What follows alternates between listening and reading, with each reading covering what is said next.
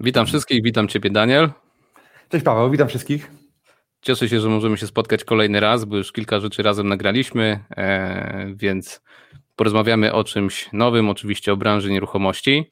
Zaprosiłem Cię do tego wywiadu przede wszystkim e, z trzech powodów, o których chcę porozmawiać. O tak. E, mhm. Po pierwsze, chciałbym, żebyśmy porozmawiali o Twoim patencie na flipy. E, widziałem ostatnio kilka Twoich fajnych materiałów na YouTubie, więc pomyślałem, że możemy to rozwinąć, bo nawet mnie to zaciekawiło. Okay, no po drugie, oczywiście o, o deweloperce, trochę o Twojej książce i też o biurze pośrednictwa, no bo my zajmujemy się przede wszystkim sourcingiem i nasza społeczność też jest tym zaciekawiona, więc gdzieś w tych trzech tematach chciałbym, żebyśmy się poruszali, ale na początek, jeżeli ktoś Ciebie nie zna, chciałbym, żebyś powiedział krótko o sobie, czym się zajmujesz i w jakim momencie jesteś na moment, kim jesteś na moment nagrywania tego wideo. Okej, okay, to ja 10 lat już siedzę w nieruchomościach i praktycznie od 10 lat obracam nieruchomościami. E, zrobiłem, mam na swoim koncie ponad 200 flipów, myślę, że już 250 e, przynajmniej. E, I w tym momencie mogę się pochwalić, że rok 2020 był najlepszym rokiem, jeżeli chodzi o ilość flipów, które zrobiłem w całej mojej karierze, bo kupiłem łącznie 40 mieszkań. Także mimo tego, że były pewne ograniczenia, to, to dla mnie to był rekordowy rok. I jestem deweloperem, buduję zarówno mieszkaniowe e, osiedla czy, czy domki rodzinne, ale też jakby komercyjne budynki. E, no, głównie mieszkaniowe, to jest jakby mój core, bo wywodzę się z mieszkaniówki. No i dzisiaj też e, ma, mam mieszkania na wynajem. Łącznie mam ponad 50 mieszkań na wynajem i paręnaście cały czas w obrocie, paręnaście flipów, które cały czas rotują. Tak więc jakby, no i też napisałem trzy książki o nieruchomościach na temat inwestowania, na temat flipów i na temat deweloperki, trzy książki.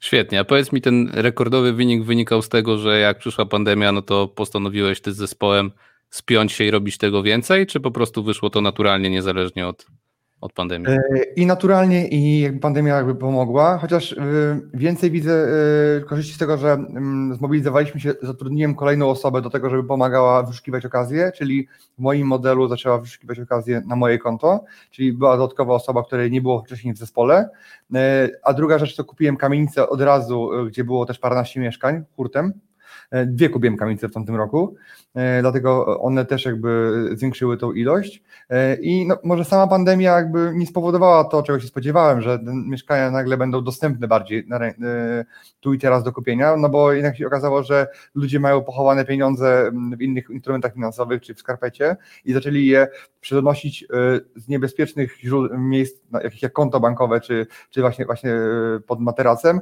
do właśnie aktyw w postaci nieruchomości i przez to nie było tak łatwo wcale kupić nieruchomości, mimo tego się dało i, i ja, mi, mi się udawało i moi absolwenci również kupowali dużo mieszkań. Tak, więc to myślę, że najciekawszym tematem na start tego wywiadu będzie flipowanie jako przedsiębiorca. Już tłumaczę wszystkim, co mam na myśli, bo wiele osób, które przychodzą gdzieś na początku na jakieś wydarzenia, nigdy nie prowadziły firmy, nigdy nie wystawiły faktury, no i wyobrażają sobie to tak, że kupią mieszkanie, wyremontują, sprzedadzą to mieszkanie i zarobią 3-4 dychy i tak zrobią 10 razy i mają pół miliona. I, e, no i to jest taka jednoosobowa działalność gospodarcza, czyli sprzedajemy swój czas za pieniądze. Ty, ja i wielu takich absolwentów, którzy przychodzą na warsztaty od iluś tam lat, tworzą już wokół tych e, flipów normalny biznes, tak jak w każdej innej branży. Czy ktoś handluje samochodami, czy mieszkaniami, czy marchewkami, tak. buduje wokół tego zespół. Powiedz proszę, jaki jest Twój patent na e, robienie flipów, prowadząc ten biznes jako normalną firmę? Ile osób w zespole do tego potrzebujesz, kto czym się zajmuje, jaki to jest skład osobowy i kto czym się zajmuje, jak to wygląda. Okej, okay, to e, ten biznes jest piękny, ponieważ e, obraca dużym kapitałem, dużymi sumami, dużymi, transakcje są duże i zyski są duże, natomiast nie, nie wymaga generowania dużych ilości pracowników. Czyli de facto ja mam w swojej firmie 3-4 osoby, tylko i wyłącznie stricte, które siedzą, siedzą w tym konkretnie biznesie, w tym dziale, bo oczywiście mam około 20 osób zatrudnionych w różnych moich działach, w różnych moich firmach, bo jeszcze mam inne biznesy nie związane z nieruchomościami, natomiast nieruchomości to jest mój główny core, tak? Jeszcze mam y, biznesy technologiczne, biznesy przemysłowe y, i no, jeszcze różne inne rzeczy robię, ale nie będziemy o tym mówić, natomiast y, w tym biznesie to jest mój wiodący biznes, gdzie najwięcej kapitału jest obracane, zyski są bardzo duże generowane, ale nie wymaga to dużych dużych zasobów ludzkich. Czyli u mnie pracują takie trzy kluczowe osoby. Po pierwsze to jest, to jest Monika, która jest osobą, moją wspólniczką, która można powiedzieć robi już te temu flip wiele lat i ja, ona pracowała dla mnie wiele lat temu i ja powoli zacząłem oddelegowywać jej swoje obowiązki. Od pierwszego obowiązku aż do praktycznie teraz ona jest moją prawą ręką, ma dostęp do konta, ma dostęp, ma pełnomocnictwo notarialne do zakupu i sprzedaży nieruchomości, więc można powiedzieć, yy, zarządza tą firmą operacyjnie, czyli jest fizycznie na aktach, ewentualnie dogląda remontów również, e, ale też i e, domyka e, transakcje, jedne i drugie. Tak? Czyli jakby jest moim takim prawą ręką i robi dokładnie w moim modelu. I czyli to jest, ja... przepraszam, wejdę Ci słowo, czyli tutaj mamy pierwszy taki model osoby, gdyby ktoś chciał przenieść to na swoją firmę, to jest, czyli dla Ciebie ta osoba jest taką osobą, którą Ty byłeś na samym początku, jak robiłeś to sam, tak? Można tak, czyli ja robiłem to sam. Następnie pierwszą rzeczą, którą zrobiłem, to oddelegowałem remonty Czyli pierwsza rzecz, którą oddelegowałem, ja już miałem wtedy biuro nieruchomości, miałem mm, firmę inne i już nie chciałem, chciałem wejść w deweloperkę, więc chciałem to skalować, dlatego oddelegowałem remonty, czyli koordynację remontów. I zatrudniłem osobę, która koordynowała remonty, dowoziła materiały, pilnowała ekipy. Później e, widziałem, że chcę, chcą skupować parę mieszkań miesięcznie, nie jestem w stanie tego zrobić i prowadzić jeszcze inne firmy, więc e, nawiązałem współpracę z Moniką, w sensie przeniosłem ją z innego działu, do flipów i coraz bardziej y, moje zaufanie do niej rosło i jej kompetencje rosły i jakby ona się śmieje, że ona ma mój permanentny mentoring, bo ona cały czas jak pracuje ze mną i cały czas jakby yy, też się uczy, i, ale ma taką y, na tyle dużo wiedzy. Ja oczywiście decyduję o każdej transakcji kupna i sprzedaży, za ile i komu, Natomiast ona wykonuje y, to też operacyjnie, żebym ja, bo ja nie mógłbym być teraz na przykład na akcie realnym i być razem z wami, tak? I, czy robić tak. innych rzeczy. Więc to jest jakby moja kluczowa osoba i ona też odpowiada za osoby, które są niżej, y, tak, które są pod nią. I tutaj jest, y, jest osoba, która y, wyszukuje okazję, czyli dostarcza okazję. Często są okazje jeszcze nieobrobione, często są okazje, które są no, takimi jakby lidami do. Ta osoba e... pracuje tylko i wyłącznie dla ciebie. Nie podsyła okazji nikomu innemu, tylko i wyłącznie nie, tobie, ewentualnie ty możesz to przekazać dalej. Ma, ma stałe wynagrodzenie plus wynagrodzenie prowizyjne, czy tam ma premię od, od każdego deala. E, I e, ona podsyła okazję i Monika wtedy, czy Monika też sama szuka, natomiast e, moimi metodami, ale też nie jest w stanie całego rynku spenetrować sama. Więc tak. jakby tak. rynek jest duży i te, trzeba dużo pracy, żeby, żeby kupić jedno mieszkanie miesięcznie, to nie problem, ale jak chcemy kupować trzy, czasem cztery, to już samemu nie da się obejrzeć w jednym czasie wszystkich mieszkań i składać oferty. Dlatego mamy też taką osobę, która zajmuje się tylko i wyłącznie tym. Ona już jakby nie procesuje transakcji całej od A do Z, tylko jej zadaniem jest dostarcza po prostu dostarczenie potencjalnej okazji bądź okazji. I jest jeszcze Krzysztof, który jest koordynatorem remontów i on zajmuje się zakontaktowaniem ekipy, dowiezieniem materiałów na, na remont, rozliczeniem tej ekipy, pilnowaniem, żeby ona robiła zgodnie z, z planem. No i Monika ewentualnie raz z Krzysztofem narzucają im jakby plan pracy i e, jakiś projekt wstępny, co ma być gdzie Czyli ja już w to nie wnikam. Na początku jakby y, decydowałem o tym, gdzie ma być ścianka i decydowałem o tym i angażowałem się w to, ale jakby i kompetencje są na tyle wysokie, że jakby ja nie muszę, nie muszą się mnie pytać o to, y, jaką koncepcję wybrać, tak? Więc jakby dla mnie to już jest y, totalnie zdalne i automatyczne. No i pewnie jeszcze e, jest osoba, która jest po prostu odpowiedzialna za administrację i takie funkcjonowanie biura, dokumenty. Tak, tak? To już jest jakby osoba, e, tak, jest, tylko że ona jest przypisana też do innych spółek, bo tak. nie miałaby aż tyle roboty przy, przy samych flipach, więc jakby ja mam około 20 spółek łącznie, więc mamy jeszcze tej administracji trochę, że te faktury trzeba wszystkie e, poskanować, wysłać do księgowości, przypilnować terminu, wysłać pisma, jakby tak. też mam, mam takie osoby, Czyli... które Czyli Daniel, podsumowując, mamy tak. Przede wszystkim jesteś ty jako mózg operacji. Po drugie, mamy, nazwijmy to, asystenta, asystentkę, która zajmuje się administracją, no bo jakkolwiek ile czasu by na to nie poświęcała ta osoba, no to ty nie skanujesz tak. sam aktów notarialnych i tak dalej. Czyli jest właściciel, jest asystent, asystentka, e, jest też osoba, która koordynuje remonty i jest osoba, która jest, jest takim menadżerem tego całego działu, która można powiedzieć odpowiada za wszystkie rzeczy przede mną, tak? E, I jest też osoba, która e, do, dowozi e, deale, okay. tak? Albo lidy. Tak? Teraz powiedz mi proszę Ciebie tak, bo ja znam bardzo, bardzo, bardzo dużo osób, które na przestrzeni iluś tam lat pobudowało swoje zespoły i widzę, że każdy ten zespół ma zbudowany identycznie, czyli jest osoba operacyjna, jest właściciel, jest ktoś od remontów, jest ktoś od okazji i ktoś od zbierania kapitału, od marketingu, powiedzmy. E, natomiast no tu w tym przypadku kapitałem już obracasz swoim, czy też ty jesteś tą osobą, która zbiera tych inwestorów i, i to dostarcza. Natomiast powiedz mi tak, e, ty rozumiem działasz dalej w Lublinie przede wszystkim. Tak, działam w Lublinie, ale też jakby mm, przez to, że otworzyłem fundusz, który e, inwestuje we flipy moich absolwentów, to też inwestuję w tej Polsce, czyli e, moja firma e, lubelska działa normalnie tutaj, natomiast fundusz działa e, trochę na innej zasadzie i jakby fundusz działa odrębnie od tego mojego całego działu. To jest jakby całkowicie inny biznes, są inne, jest inna spółka, są inne procedury. I na przykład też byłem na mieszkaniu teraz w Warszawie, w tym tygodniu zresztą. E, kupiłem w Warszawie e, z Dianą, która jest, wygrała bitwę o milion, wygrała pieniądze z mojego funduszu i też kupiliśmy wspólnie za te pieniądze mieszkanie w Warszawie na flipa. I byłem tam po prostu nadzorować i pomóc jej tam przy, przy okazji remontu, bo ona ma w ramach tej wygranej mój mentoring również. Tak, ale powiedz mi, e, zmierzam do tego, jak bardzo można wyskalować ten biznes, no bo tak, asystentek więcej nie zatrudnisz, bo nie ma takiej potrzeby, bo nawet na tą potrzebę iluś tam tych mieszkań miesięcznie nie jest aż konieczna osoba tylko i wyłącznie do tego. E, osoby operacyjnej, no przy jakiejś tam skali też nie potrzeba kolejnej. Koordynator remontów, załóżmy, że gdyby tych remontów było naprawdę mnóstwo, całe budynki i tak dalej, to też powiedzmy mhm. mogło być ich więcej, więc tutaj się wszystko opiera w tym skalowaniu na osobach, które dostarczają okazji. I powiedz mi, czy ty czujesz, że gdybyś zatrudnił więcej takich osób z kompetencjami, czy tych okazji spływałoby zdecydowanie więcej, czy jest jakiś limit na jedno miasto, gdzie no więcej się nie da wyszukać w danym miesiącu? Myślę, że, e, że limit nie jest problemem, ja do tego limitu nie dotarłem, natomiast jest tak, że jeżeli mm, to jest firma, którą ja bardzo pilnuję i e, zwracam uwagę na każdy szczegół, na każdy tysiąc, który wydaję w tej firmie. Dlatego jeżeli bym to robił, e, zeskalował to, to trzeba być bardzo uważnym i musiałbym decyzyjność na temat zakupu oddelegować dalej.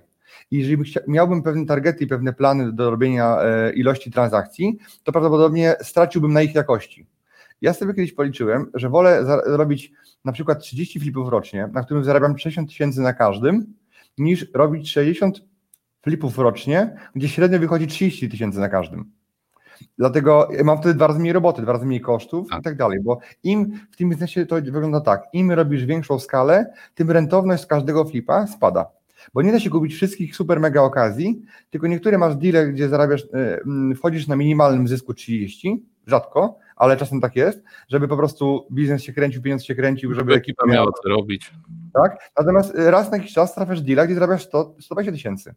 I tylko dlatego go trafiasz, że jesteś na rynku, że cały czas szukasz ale jeżeli ja bym chciał robić dwa razy więcej, pewnie bym robił ilościowo, natomiast rentowność tego wszystkiego nie byłaby aż tak duża, więc moim, moim patentem na to jest poszerzenie się geograficznie i współpraca z ludźmi, których ja przeszkoliłem i którym, których ja zaraziłem i przeszkoliłem moją unikalną metodą. Więc ja wiem, że ci ludzie, oni wiedzą, znają ramy działania, znają moje schematy, znają moje systemy i wiem, że oni, jak e, robią to, robią moimi metodami, więc ja do nich mówię moim językiem. Oni wiedzą, co mają robić. Dlatego łatwiej mi się z nimi pracuje niż osobą z ulicy, nazwijmy to, która mm, to czasami odwrotnie rozumie rynek, czasami odwrotnie rozumie, czym jest okazja, czasami y, całkowicie inaczej myśli.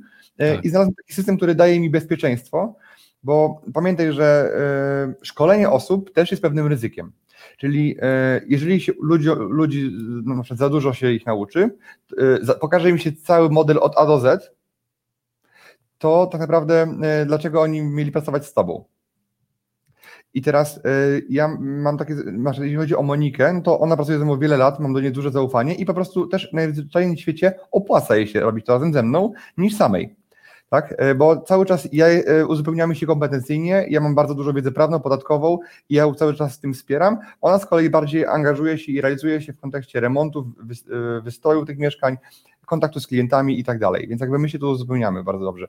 Natomiast jeżeli bym, e, ja nigdy nie szkoliłem moich pracowników w moim biurze nieruchomości, których miałem parunastu, zrobienia tego biznesu. Jak ja im pokazał modele, w którym można robić biznes bez pieniędzy, to oni przestaliby być moimi agentami zaczęliby być swoimi fliperami na, na własną rękę. Więc ja w pewnym momencie prowadziłem w jednym biurze dwie firmy. Jedno to było biuro nieruchomości, gdzie było paręnaście osób, było zebranie, a w drugim pokoju była firma e, skup mieszkań, czy tam y, flipy hurtowe, tak naprawdę one ze sobą korespondowały tylko i wyłącznie, kiedy mieliśmy temat do wypchnięcia gotowy do biura nieruchomości, ale nikt nie wiedział, za ile mieszkanie było kupione, ile kosztował remont, mieli gotowy produkt, nie pytaj, nieważne. Jak go wziąłem, nieważne. Oni nie dostawali wiedzy, know-how, jak to sfinansowałem, jak to kupiłem, jak to wyremontowałem. O, ich celem było tylko to sprzedać. Oczywiście oni się mogli domyślać i tak dalej, podpytać w kuluarach, ale starałem się nie szkolić ich, ograniczyć im wiedzę, bo już parę razy za dużo powiedziałem i ktoś przeszedł na swoje, bo zobaczył, jakie to proste. Dlatego tak. ja postanowiłem szkolić ludzi w Polsce. Na początku nie dopuszczałem nikogo z Lublina, w ogóle zablokowałem Lublin. Do tej pory ludzie myślą, że ja w Lublinie jakby nie szkole, ale w momencie, kiedy otworzyłem fundusz, zobaczyłem sobie, że mm, jakby jestem zbyt duży tutaj, żeby ktoś, nie wiem, zmniejszył moje obroty, a z kolei jak znajdzie deala, to mój fundusz może to łatwo sfinansować, bo ja generalnie z głowy rzucam cenami i mogę powiedzieć wchodzę albo nie. Więc jakby pomyślałem sobie z tego, że dużo więcej mogę tym ugrać, więc od jakichś półtora roku otworzyłem szkolenie dla ludzi z Lublina, więc jakby już się nie boję konkurencji, bo, bo wiem, że to nie wpływa na mój biznes. Tak, i wiesz co, tu jest ciekawa rzecz, do której płynnie przyjdziemy. E, jedno to są agenci, którzy pracują w biurze nieruchomości, a, a druga rzecz, którą chcę tutaj porównać, to są ludzie, którzy pracują z pełną świadomością szukając flipów. Natomiast pytanie moje pierwsze jest takie, jak myślisz, ile transakcji w miesiącu taki zwykły agent nieruchomości musi przynieść żeby to miało sens i jak to wyglądało statystycznie, kiedy ty prowadziłeś biuro. Ile oni transakcji miesięcznie przynosili? A to pytanie zadaję w takim kontekście, że ludzie, którzy chcą zacząć od sourcingu, od pośrednictwa, często nie wierzą w to, że można zarabiać 5, 10, 15 tysięcy złotych miesięcznie, przynosząc okazję, więc no tutaj pytanie, e, ile takich transakcji agent według ciebie powinien przynosić co miesiąc? żeby w ogóle się utrzymał, takie socjalne minimum, to jest, jak się przeszkoli po trzech miesiącach, powinien przynajmniej przynosić jedną okazję, znaczy jedną okazję, jeden deal, jedną transakcję zrobioną e, ze swoimi klientami, czyli to jest takie minimum socjalne. Natomiast byli agenci, którzy zrobili po trzy, cztery transakcje, tak, i, i czasem pięć, ale to już tak, e, czyli trzy transakcje to był taki agent, który spokojnie sobie wyżył i nawet mógł liczyć nawet nagrodzenie powyżej dychy, powyżej 10 tysięcy złotych, tak, e, tak jakby, czy to jest do zrobienia, to jest dużo pracy, natomiast yy, jedna to jest takie minimum socjalne, bo jeżeli robi pół transakcji, w sensie jedną na dwa miesiące, no to generalnie ani on się nie wyżywi mm, przy tej pensji, ani, yy, ani ty nie masz z nią korzyści, tak? To się potwierdza to, co mówisz, bo ja robię taki wywiad wśród wszystkich osób, e, które znam, które pracują w biurach, flipują ile przynosi e, najgorsza osoba w biurze, no to najgorsza przynosi zero, więc wylatuje. Natomiast ta osoba e, najbliżej spodu tabeli, powiedzmy, przynosi minimum jedno miesięcznie. Czyli jeżeli ktoś znajdzie transakcję, na której dostanie 5 czy 10 tysięcy złotych prowizji, no to ma to do podziału z biurem, chyba że pracuje sam dla siebie na własną rękę, więc no potwierdzasz to, że tak. osoba, która po prostu chce, no przynajmniej będzie zarabiać 5 czy 10 tysięcy złotych, jeżeli nawet by nie pracowała w biurze, tylko robiła to zewnętrznie. Tak, i biuro to jest piękny biznes, e, bardzo, bardzo angażujący. E, natomiast ja go po 8 latach sprzedałem. I chyba też o to chciałeś zapytać.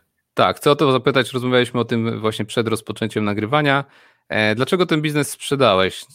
Znaczy, ja się domyślam, bo ja też funkcjonuję w podobny sposób, natomiast no, ciekawi mnie to, dlaczego ty to sprzedałeś, skoro to funkcjonowało. I teraz no ja y, zakładałem ten biznes sam, od razu zatrudniałem agentów, przerobiłem kilkudziesięciu agentów, szkoliłem ich, wdrażałem i miałem tam stan mniej więcej 15 agentów, e, kilkunastu agentów miałem na stanie zazwyczaj i byłem menadżerem y, tego biura, czyli byłem dyrektorem, kierownikiem i właścicielem.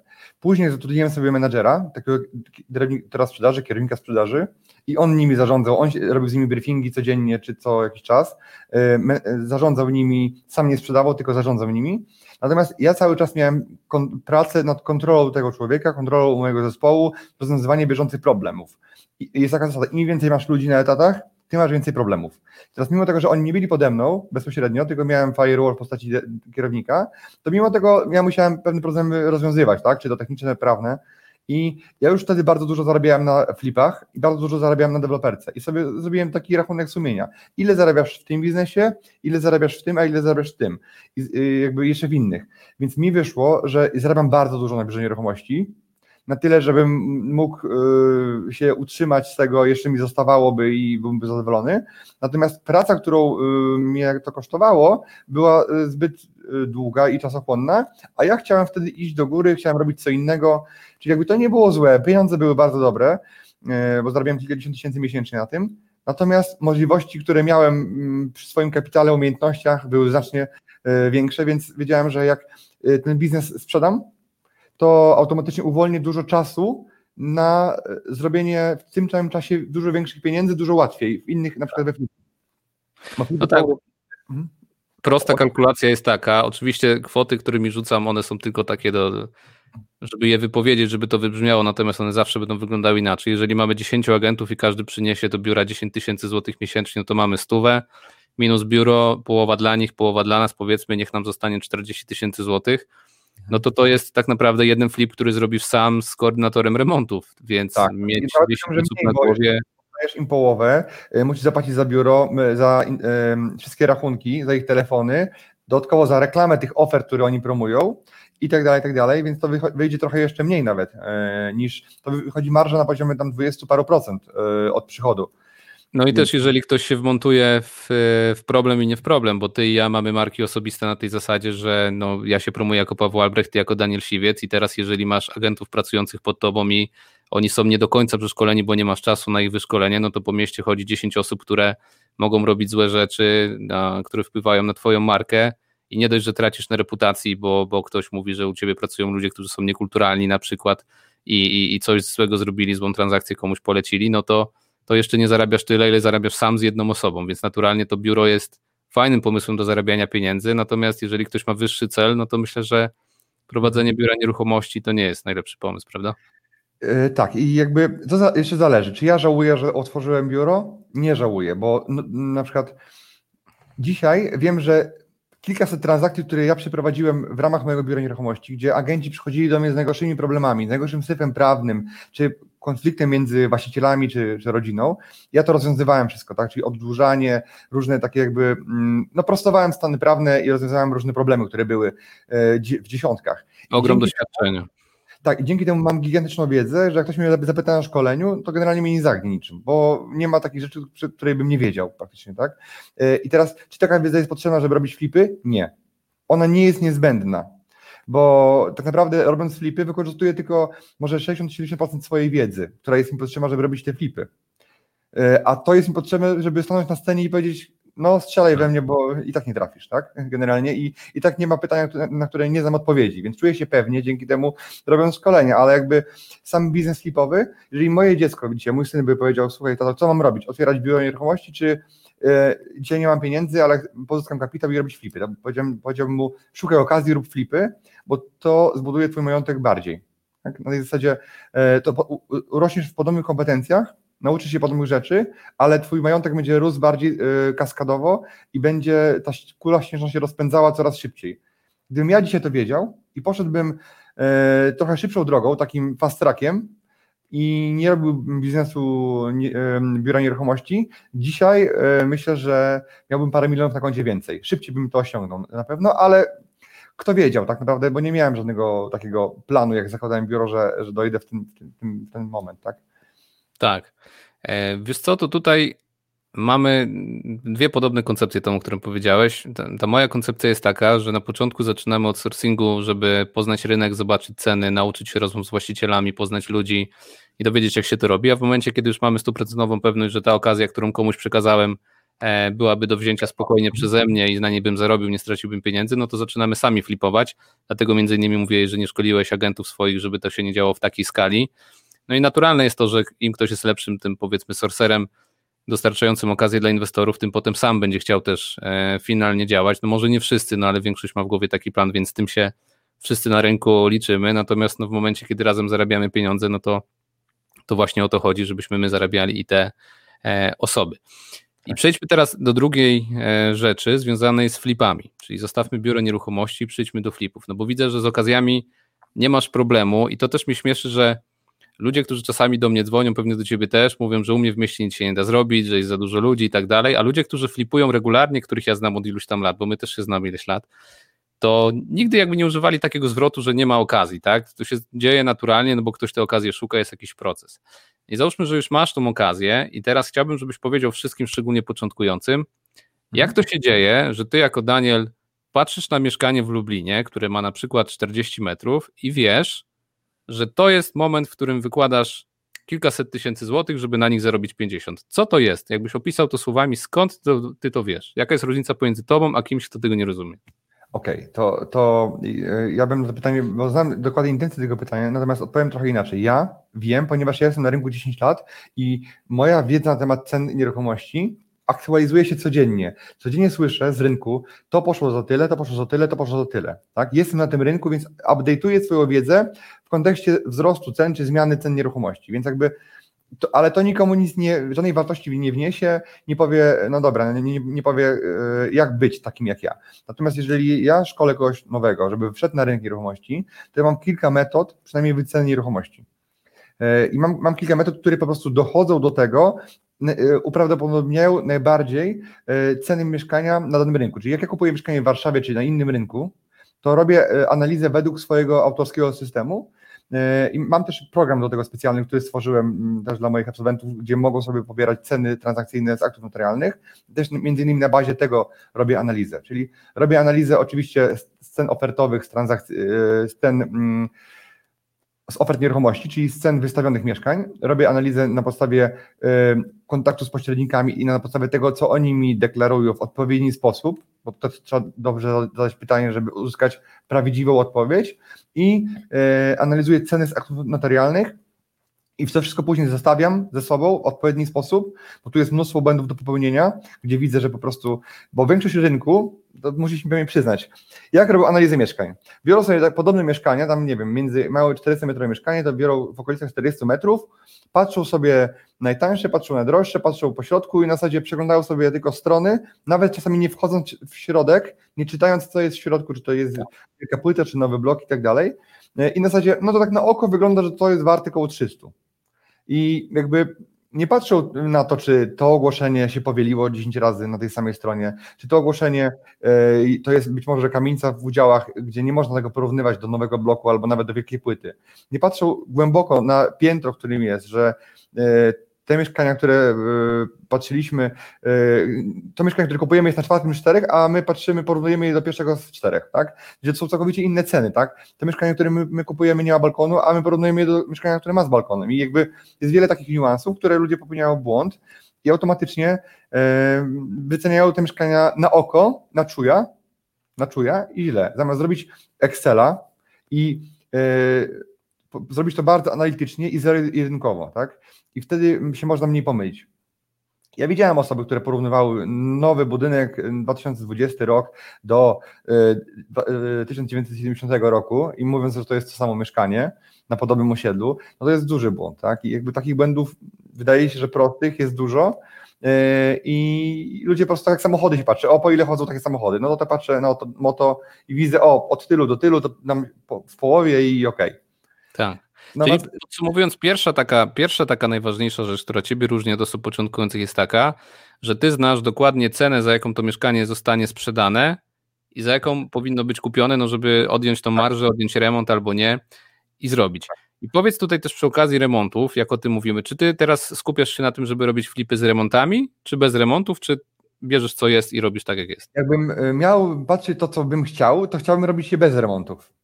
Natomiast remont wnosi na tyle dużą wartość, że e, bez remontów ciężko jest mieszkanie sprzedać.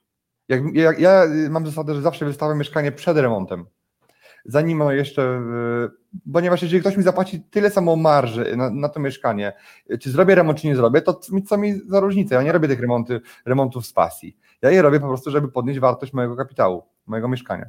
Dlatego mm, jak ktoś się kupi wcześniej, czy na etapie remontu, czy przed remontem, czy w trakcie, to mówi, bierz pan, ale daj mi zarobić tyle samo. Ile miałbym zarobić po prostu, y, jaki tak miał taki sam zysk. Natomiast większość y, sytuacji pokazuje to, że ludzie kupują gotowy produkt, bo im się nie chce, nie potrafią, nie umią, boją się tego i to jest, jest już tu i teraz gotowe i ta usługa po prostu jest yy, pożądana. No tak, bo tutaj yy, nawiązując do takiego filmu, który widziałem, który wrzuciłeś e, hmm. jakiś czas temu przed tym nagraniem, Jeżeli weźmiemy pod lupę na przykład mieszkanie, które ma 35 metrów, powiedzmy. Będę mhm. teraz strzelał kwotami, żeby sobie to po prostu jakoś umiejscowić, wyobraźć.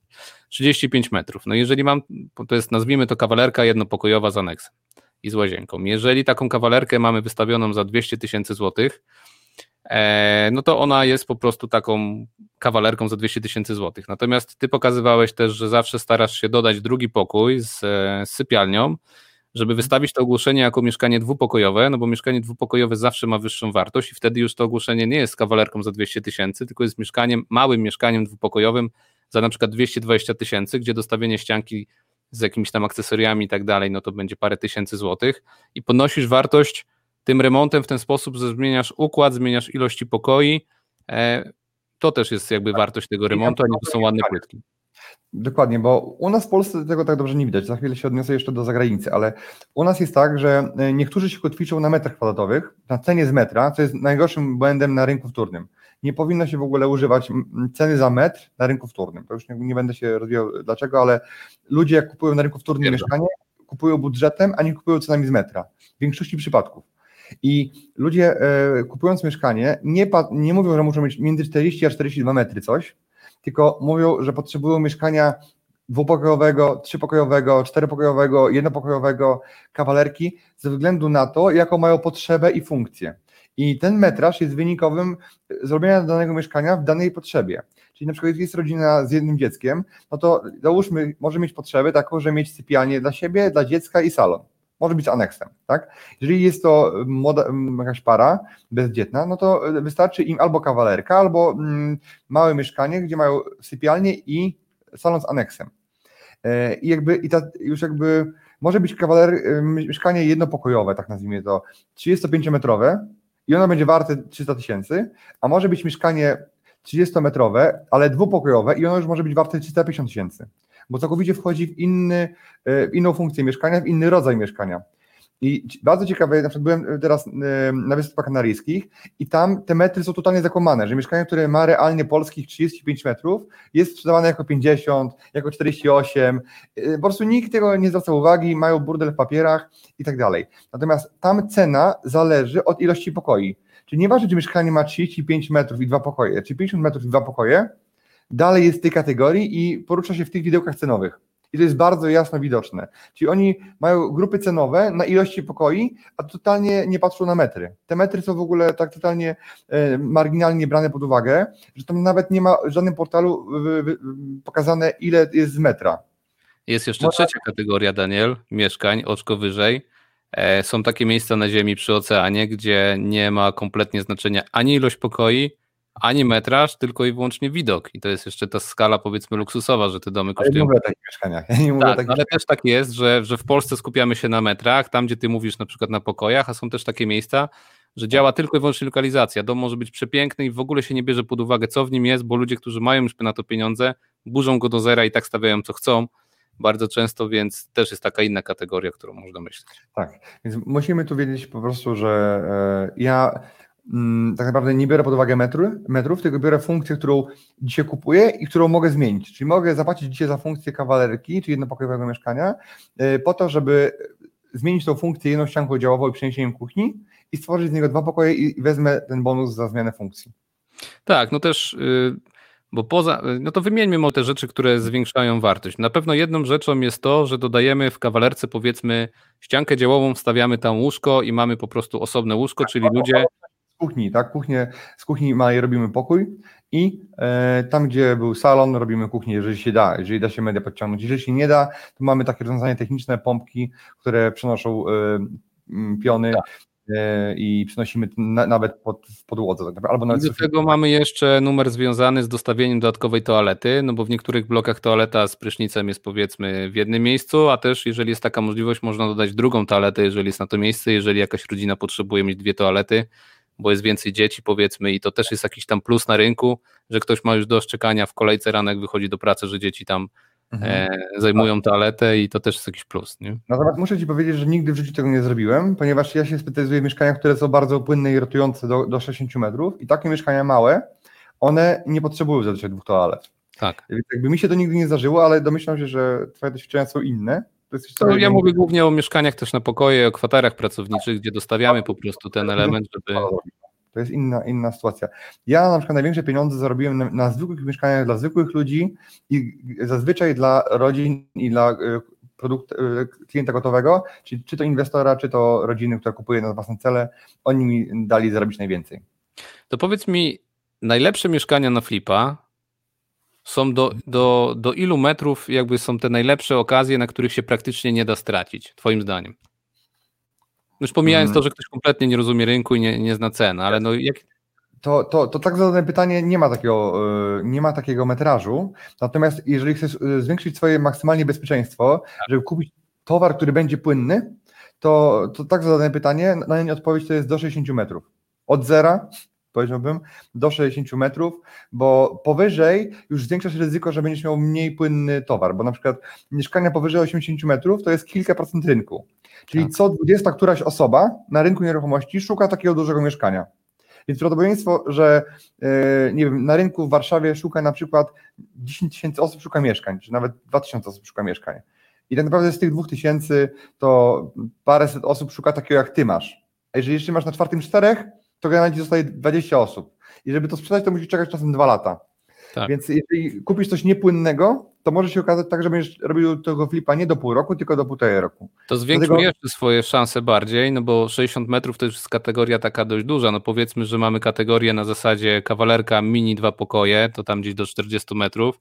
Mamy mieszkania 45, 55, takie powiedzmy dwu, trzy pokojowe dla rodziny. I chciałbym, żebyś powiedział, czy w tej kategorii najniższej, czyli kawalerki i mikro takie dwupokojowe mieszkania, e, można zarobić kilkadziesiąt tysięcy złotych na flipie. Jakiego rzędu są zyski na kawalerkach, na małych mieszkaniach dwupokojowych e, kwotowo? No bo wiadomo, że im większe mieszkanie, więcej metrów, tym można lekko cenę podnieść z metra, to tego się, tej kwoty się robi więcej, więc pytanie w tych małych metrażach, jakie to są zyski na takich mieszkaniach?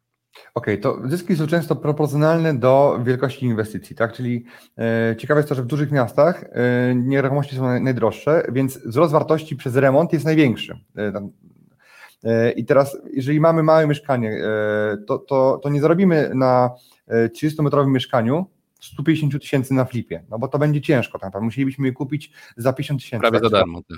Tak, jest za darmo, więc jakby ta cena też determinuje potencjał do zysku, ale zarobić na kawalerce 60 tysięcy czy 70 to jest realne, ale y, bliżej to się około 50-60 y, można ustawiać. Natomiast jeżeli mamy mieszkanie w dużym mieście, które y, jest wyjściowo warte po remoncie 500 tysięcy, to stuwa na czymś takim jest do, ugrania, tak? mówimy, ciężko zarobić 150 tysięcy na mieszkaniu warte 300, no bo to, no bo da się, to jest, to jest realne, ale, ale, ale nie tak bardzo prawdopodobne, nie, nie, nie co pół roku takie coś się trafia, tylko czasem co rok, albo co dwa, tak. Dlatego, jeżeli nie, u mnie kawalerka kosztuje 200-200 z hakiem, więc y, no, tam mamy kilkadziesiąt tysięcy zysku na, na kawalerce. A powiedz mi proszę, a propos tych kawalerek, no bo kawalerka to jest coś takiego, co nie chcę tutaj, ten wywiad też może mieć duży zasięg e, i tego mówić, natomiast na kawalerka jest czymś najprostszym, od czego można zacząć, może o tak, żeby nie rozwijać tego tematu, ty wiesz co mi chodzi. Jak często jesteś w stanie pozyskiwać takie kawalerki e, w Lublinie, e, no bo kawalerki wiadomo to jest taki towar jak bułki w sklepie, jak przyjdziesz już o 10 rano, no to tych bułek już w sklepie w tak. piekarni tak. nie ma, więc. Mi się cały czas wydawało, ale na przykład ostatnio trochę analizowałem to i tak naprawdę najbardziej pożądanym produktem i najwięcej transakcji na rynku nie mają nie wcale kawalerki takie 30-metrowe, 20-metrowe, tylko mieszkania między 40 a 50 metrów. Czyli tego towaru jest najwięcej, największa jest podaż tego, jest, zostało wyprodukowane zagierka tych mieszkań, te miliony mieszkań zostały wybudowane właśnie w takim układzie najczęściej i to jest najbardziej pożądane, bo jest najwygodniejsze e, stosunek e, relacja wielkości do funkcji. Więc jakby mm, też mi się wydawało, że małe, tanie, szybko się sprzeda i tak dalej, bo mała bariera wejścia, bo na takie mieszkanie trzeba mieć 100 tysięcy mniej. Natomiast okazuje się, że takie mieszkanie łatwiej jest wynająć i łatwiej też jest sprzedać. Tak? E, ja najwięcej takich mieszkań sprzedałem, czyli jakbym patrzył na, na kawalerki, czyli mieszkanie poniżej 400 metrów, tak ogólnie, czy to jeden, dwa pokoje, to może ich było ze 30, yy, może 30 parę procent. A większość, środek ten, to były te mieszkania właśnie 40-50 metrów, i to jest mój y, core, ze względu na to, że taka jest podaż, ale popyt jest gigantyczny na to. Więc yy, tak też mi się wydawało cały czas, że na kawalerkach najprościej, najłatwiej, ale mało ich jest do zakupu i wcale na przykład mm, klasa średnia, czyli tak jakby średni ten pułap 40-50, moim zdaniem jest to najbezpieczniejszy i naj, najlepiej płynny, bo jeżeli na przykład by się społeczeństwo wzbogaciło i powiedziało, fu, nie chcę tych kawalerek po 20 metrów, bo to jest za małe, za ciasne, to de facto oni wskakują w segment wyższy. Natomiast jeżeli y, byłby kryzys duży, to ci z tych 60, 70, 80 metrów to spadną na ten środkowy. Spadną do tego średniego, więc zawsze jesteś, można powiedzieć, zawsze masz co drenować i masz co y, na czym zarabiać. Y, więc jakby ja bym tutaj się ustawiał, więc ja mam, powiem Ci tak, mam ja wybudowałem taki budynek, gdzie było 40 pary e, takich mikrokawalerek po 20 metrów i je sprzedawałem i jakby też by, jakby zobaczyłem na własnej skórze na rynku, że gdybym miał te mieszkania większe, to nawet w podobnej cenie też łatwiej by mi było je zbyć. I to, i to, to było dla mnie mm, duże doświadczenie. Tak samo z wynajmem jest, że e, wydawało mi się, że wynajem takiego czegoś będzie dużo bardziej intratny i się, się do wynajmie, jednak się okazuje, że ten, ta klasa średnia mieszkań, klasa e, wielkościowa między 30 parę, może 40 metrów, a 50 jest najbardziej pożądana, tak? E, więc to też są takie dla mnie nowe doświadczenia sprzed dwóch lat ale no dzięki temu możemy o tym teraz powiedzieć i, i jakby... No ma to, ma to zdecydowanie sens, tak, żeby to też większa publika usłyszała właśnie, że te mieszkania w tym metrażu są najbardziej pożądane, to powiedz proszę, jak już jesteśmy przy tym temacie, jak spotykasz takie mieszkanie powiedzmy między 38 a 55 metrów, no tak, może jeszcze to trochę rozszerzmy z gumy, naciągnijmy, to co jest takim Twoim kluczowym zadaniem, żeby zwiększyć wartość tej nieruchomości? Jeszcze raz to powiedzmy, czyli dodanie kolejnego pokoju, przeniesienie tej kuchni w inne miejsce. Co jest taką główną rzeczą, co sprawia, że ta Twoja oferta będzie wypchnięta na okay. rynek? Są takie jakby dwie rzeczy. Po pierwsze, zmiana układu na bardziej funkcjonalny, czyli na przykład, jeżeli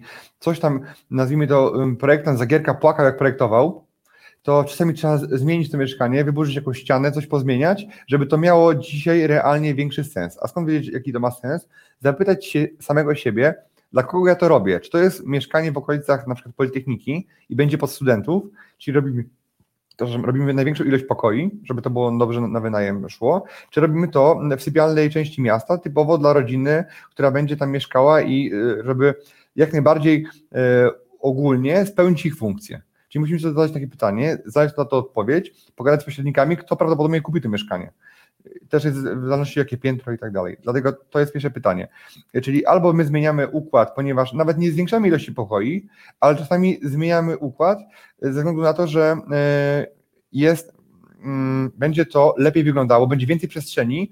Niektóre ściany są niepotrzebne, niektóre szafy są niepotrzebne, niektóre szafy się robi po prostu, żeby one były. Dlatego tutaj trzeba poszukać takich rozwiązań. A druga rzecz to jest właśnie dodanie dodatkowego pokoju. Jeżeli mamy na 55 metrach mamy dwa pokoje, to aż się tutaj kusi, żeby zrobić jeszcze jeden.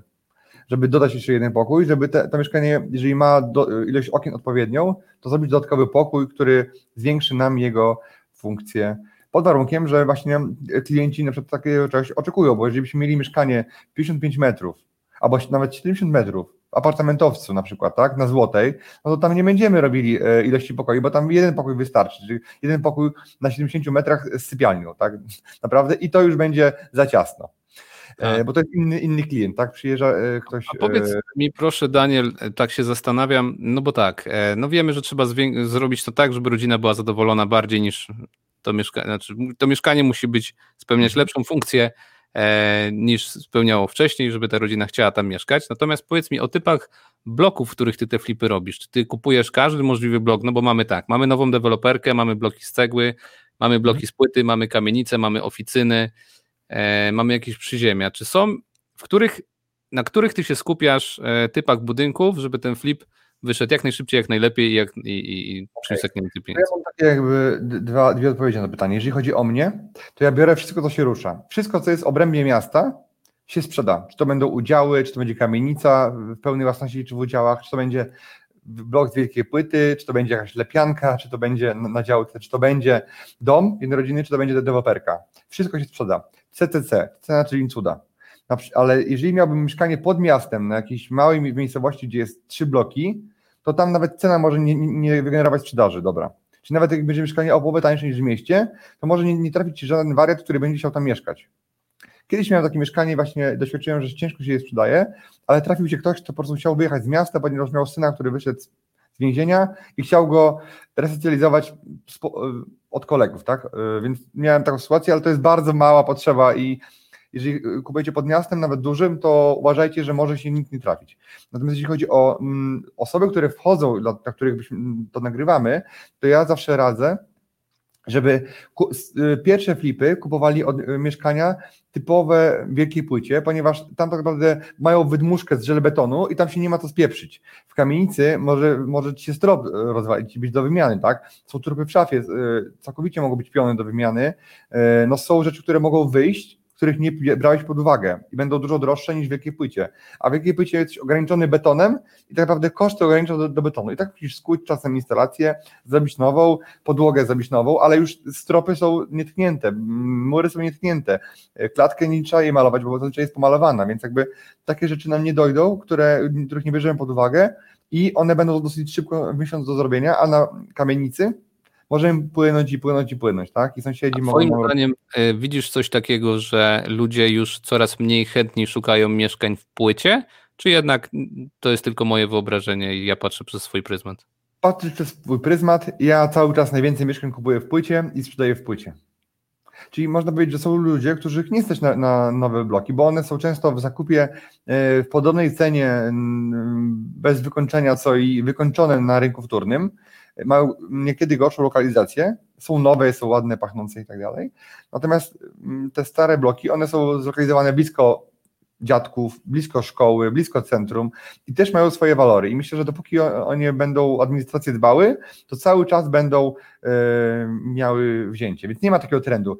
Ten by był taki, gdybyśmy mieli coś takiego, jak jest w Dubaju, czyli nadpodaż, czyli deweloperzy za szybko się rozpędzili, tam szedł taki kapitał, że przyjeżdżali budowlańcy z całego świata, wieszali się na tych żurawiach i budowali. U nas to jest niemożliwe, bo nas nie stać na, na wykonawców z całego świata, żeby ich przepłacić pieniędzmi, tak? E, nawet na Chińczyków nas nie bardzo stać, żeby budowali u nas. E, dlatego jest bariera logistyczna, żeby deweloperzy budowali szybko, jest bariera mm, ludzka, czyli jeśli chodzi o... Oni budują tam też za darmo te mieszkania, mają siłę roboczą darmową praktycznie, więc to też, też z tego wynikało w Dubaju. Tak, więc jakby jest całkowicie inny, inny rynek i, i tam jest, była nadpodaż. U nas jest niemożliwe, żeby była nadpodaż tych mieszkań, żeby nagle ludzie powiedzieli, skoro ja kupuję za 7 koła mieszkanie u dewelopera, to po co mam kupować za 8 koła na wtórnym?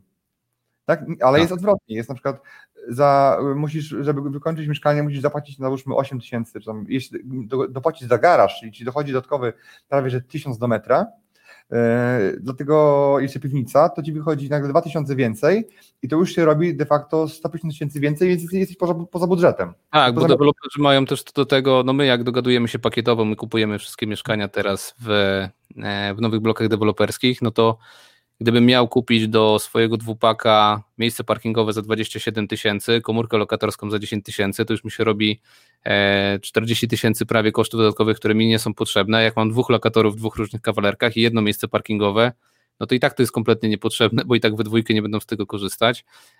I rzeczywiście ktoś, kto kupuje mieszkanie deweloperskie, może co nowo ono będzie podobne, zbliżone, nazwijmy to, szczególnie w racie kredytu, tam o kilkaset złotych się różnić, natomiast no już ta to miejsce i ta komórka to już jest taki koszt zaporowy, no bo jednak w Polsce widać to, że ludzie nawet jakby mieli kupić miejsce za 5 czy 10 tysięcy złotych na osiedlu, to tego nie robią, tylko będą parkowali kilometr od swojej klatki, ale nie zapłacą 5 tysięcy, no bo widzą, że jeszcze można zaparkować i tak to jeszcze e, wygląda. Powiedz mi proszę, czy ty zauważyłeś, w którą stronę widzisz trend e, cenowy w no, zajmijmy się Lublinem. W którym stronę idą ceny nieruchomości e, w Lublinie powiedzmy od marca? Czy one zaczęły rosnąć, stoją, spadają? Jakie jest Twoje wrażenie? Ciekawe jest to, że e, właśnie widziałem, że Lublin jest miastem, który, w którym najbardziej poszły ceny nieruchomości w górę, czyli są największe wzrosty, jeżeli chodzi o statystyki.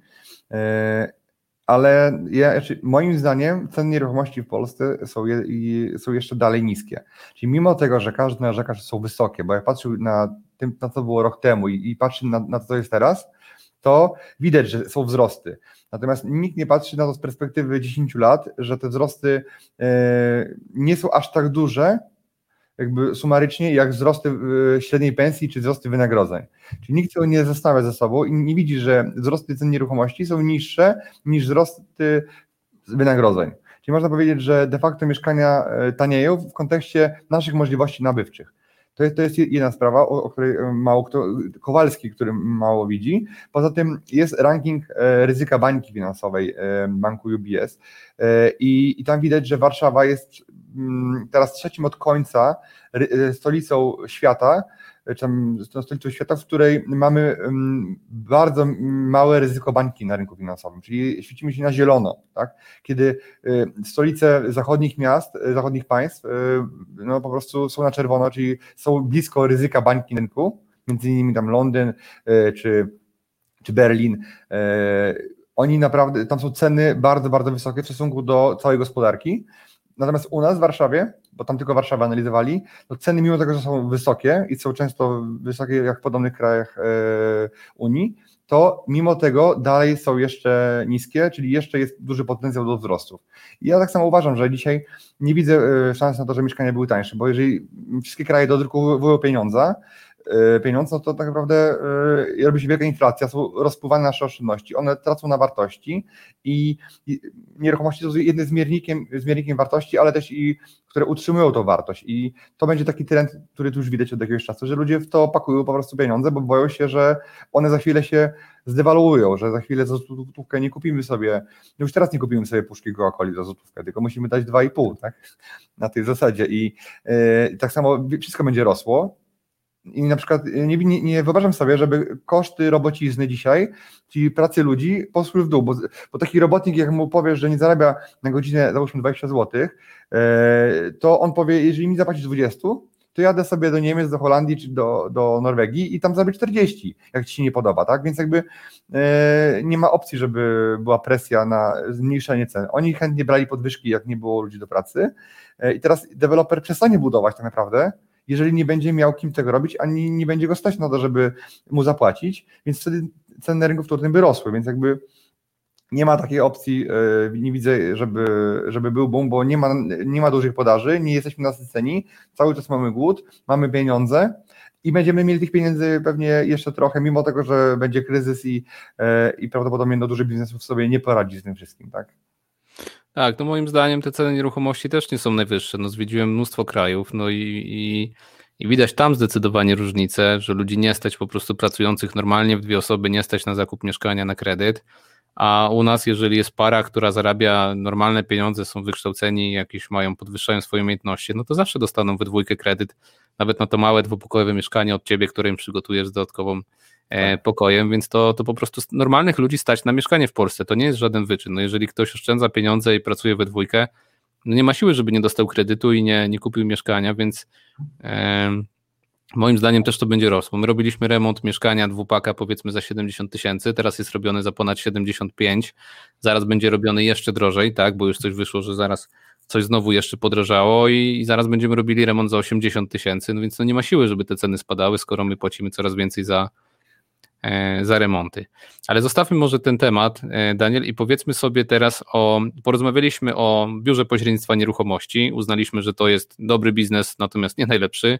Mhm. E, mamy biznes flipów. Porozmawialiśmy o tym, ile osób w zespole jest potrzebne do tego, żeby to robić, że najlepsze są jednak nie kawalerki, tylko mieszkania te dla rodzin, dwu, trzy pokojowe, żeby na tym się koncentrować.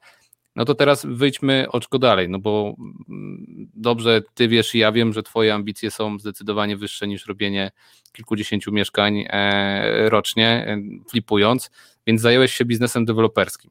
I teraz powiedz mi proszę, na czym ty się teraz koncentrujesz w tym biznesie deweloperskim, na jakie typu obiekty, jakiego typu obiekty chcesz robić, e, czy jest na to ssanie na rynku, jak wygląda ta twoja działka deweloperska? To ja dzisiaj szukam mm, działki, bo połączyłem e, parę projektów. Szukam działki. E, najbardziej interesuje mnie pod małą mieszkaniówkę, czyli nie osiedle, gdzie jest od razu 100 mieszkań czy, czy 200 mieszkań, tylko około 20-30 mieszkań, żeby wybudować. Czyli żeby kupić inną działkę, na nią zaprojektować budynek, wybudować go i sprzedawać sobie po prostu po kolei. Czyli można powiedzieć, pracujesz przy jednej transakcji, przy jednej działce i projektujesz i budujesz od razu 30 mieszkań naraz. Czyli można powiedzieć, robisz to za jednym razem E, tą samą robotę.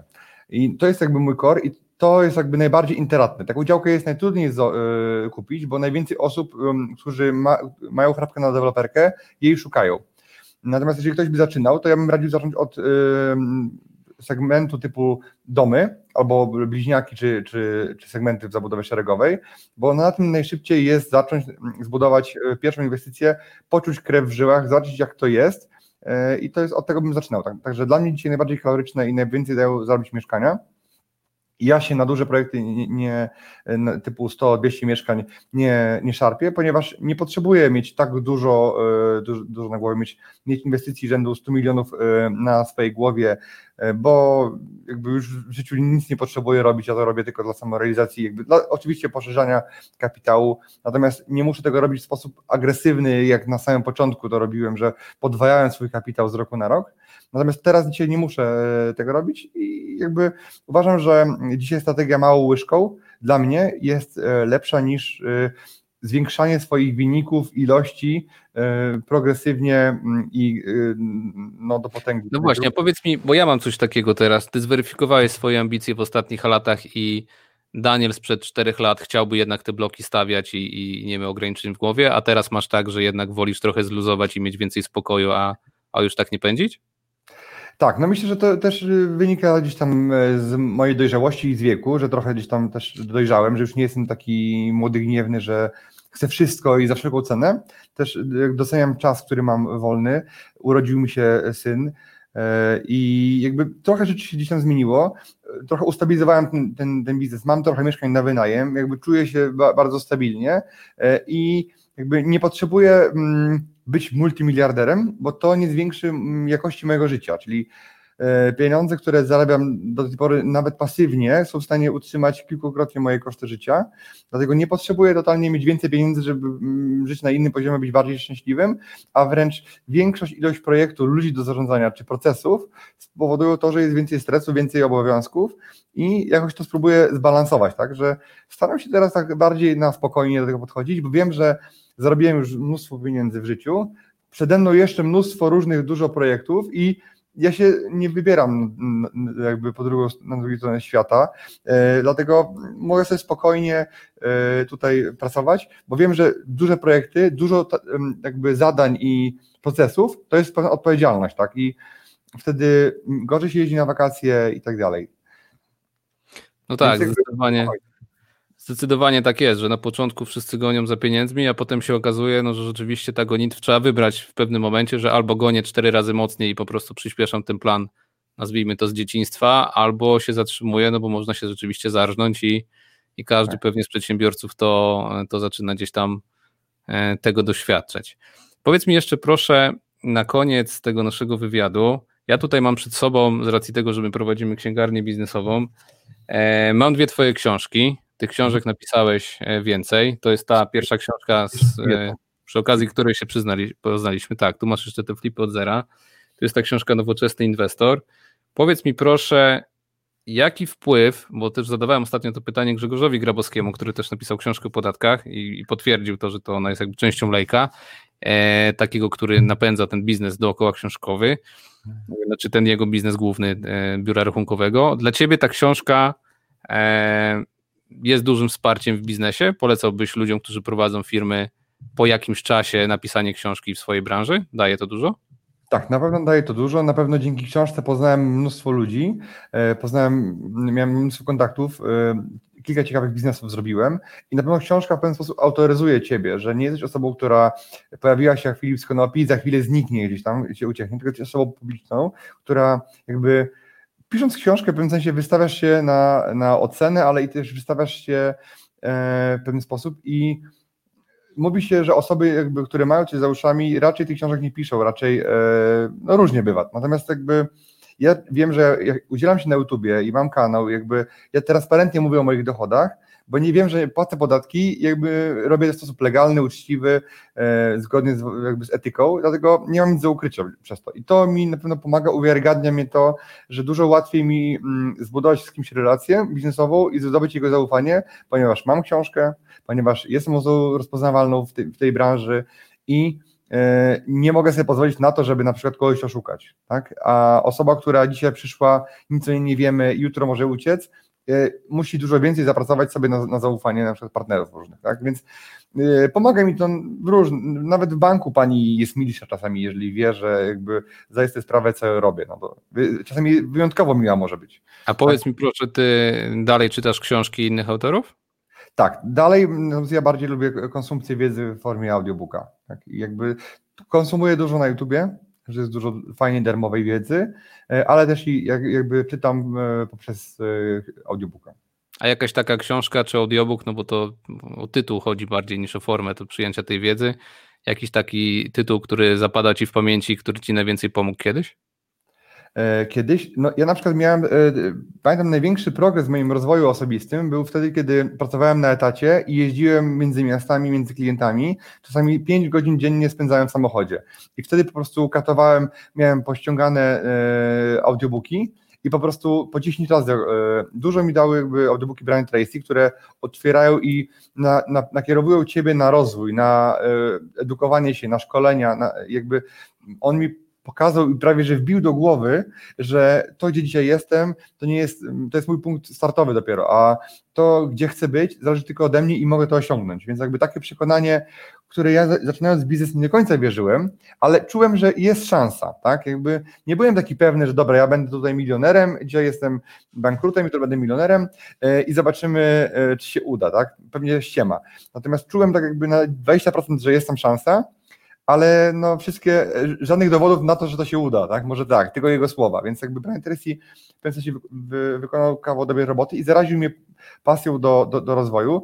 Mm, e, książki jest takiego może nie są merytoryczne w postaci tego, że gdzieś tam są tam strategie i techniki, natomiast tam jest bardzo wiele fajnych, ciekawych rzeczy na temat tego, jak można zmienić swoje przekonania na temat pieniędzy.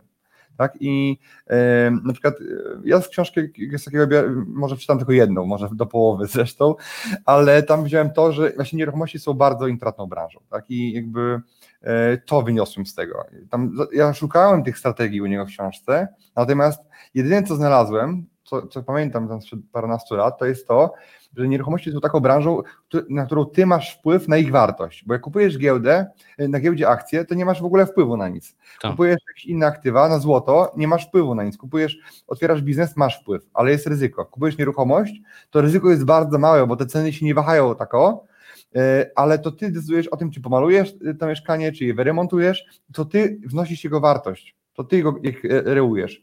I to jest piękne, bo trzymasz wszystko w rękach. Tak. Dziękuję. No, ja też myślę, że zdecydowanie książki. Mm, teraz przynajmniej ja czytam jedną książkę na dwa dni minimum. E, dzisiaj też czytałem książkę Sławka Muturiego i e, ja widzę, że te książki już po czasie one nie są po to, żebyśmy my w tej książce znaleźli jakąś wiedzę, czyli na przykład powiedzmy ta książka twoja e, o deweloperce, gdybym ja ją czytał, ona nie jest po to, żebym ja się dowiedział jak zbudować budynek, no bo tego się nie dowiem z książki, nie oszukujmy się, że co byś w niej nie napisał, no to przecież to... Nie, e, nie jestem inżynierem, tak naprawdę. Tak, podręcznik, natomiast ona jest po to, że ja ją biorę do ręki i mówię, dobra, może warto spróbować, tak? I, hmm. po to są właśnie książki. Tak jak mówisz, nie musisz czytać całego Kiyosakiego, żeby się dowiedzieć e, informacji od niego, jak zrobić flipa, tylko żeby tobie się zaświeciła w głowie żarówka, że chce to robić i właśnie po to te książki czytamy, żeby samemu to analizować. No jak ktoś nie ma umiejętności analitycznych e, i wyciągania wniosków, no to nie musi czytać książek, bo to nic nie da. Książki nie są podręcznikami do, e, do zarabiania pieniędzy. E, jeżeli chcielibyście, z, tu wkleję link do naszej księgarni, mhm. znaleźć książki Briana Tracy'ego, Kiyosakiego, pewnie książki Daniela też się tam znajdą, to zachęcam do tego, żeby wejść do nas na sklep i sobie wybrać książki i zacząć je czytać. E, natomiast Daniel, myślę, że e, na ten, na ten nasz wywiad to tyle. I mhm. co? I chcielibyśmy zaprosić wszystkich na drugą część, tak? Tak, dalsza część wywiadu będzie u mnie na kanale e, i ja będę rozmawiał tu z Pawłem na temat sourcingu, na temat kwater pracowniczych, na temat jak pozyskać inwestora w tych czasach i pozyskać networking i nowy kapitał. Także zapraszamy Was do mnie na kanał, tu jest link i będzie dalsza część tego wywiadu. Tak, a jeżeli chcecie się skontaktować z Danielem, z jego biurem, to e, wszystkie dane do Daniela znajdziecie w opisie tego filmu, więc zachęcam do, e, do kontaktu. Z mojej strony to tyle. Dziękuję Ci, Daniel, i widzimy się w drugiej części na Twoim kanale. Dzięki. Na razie.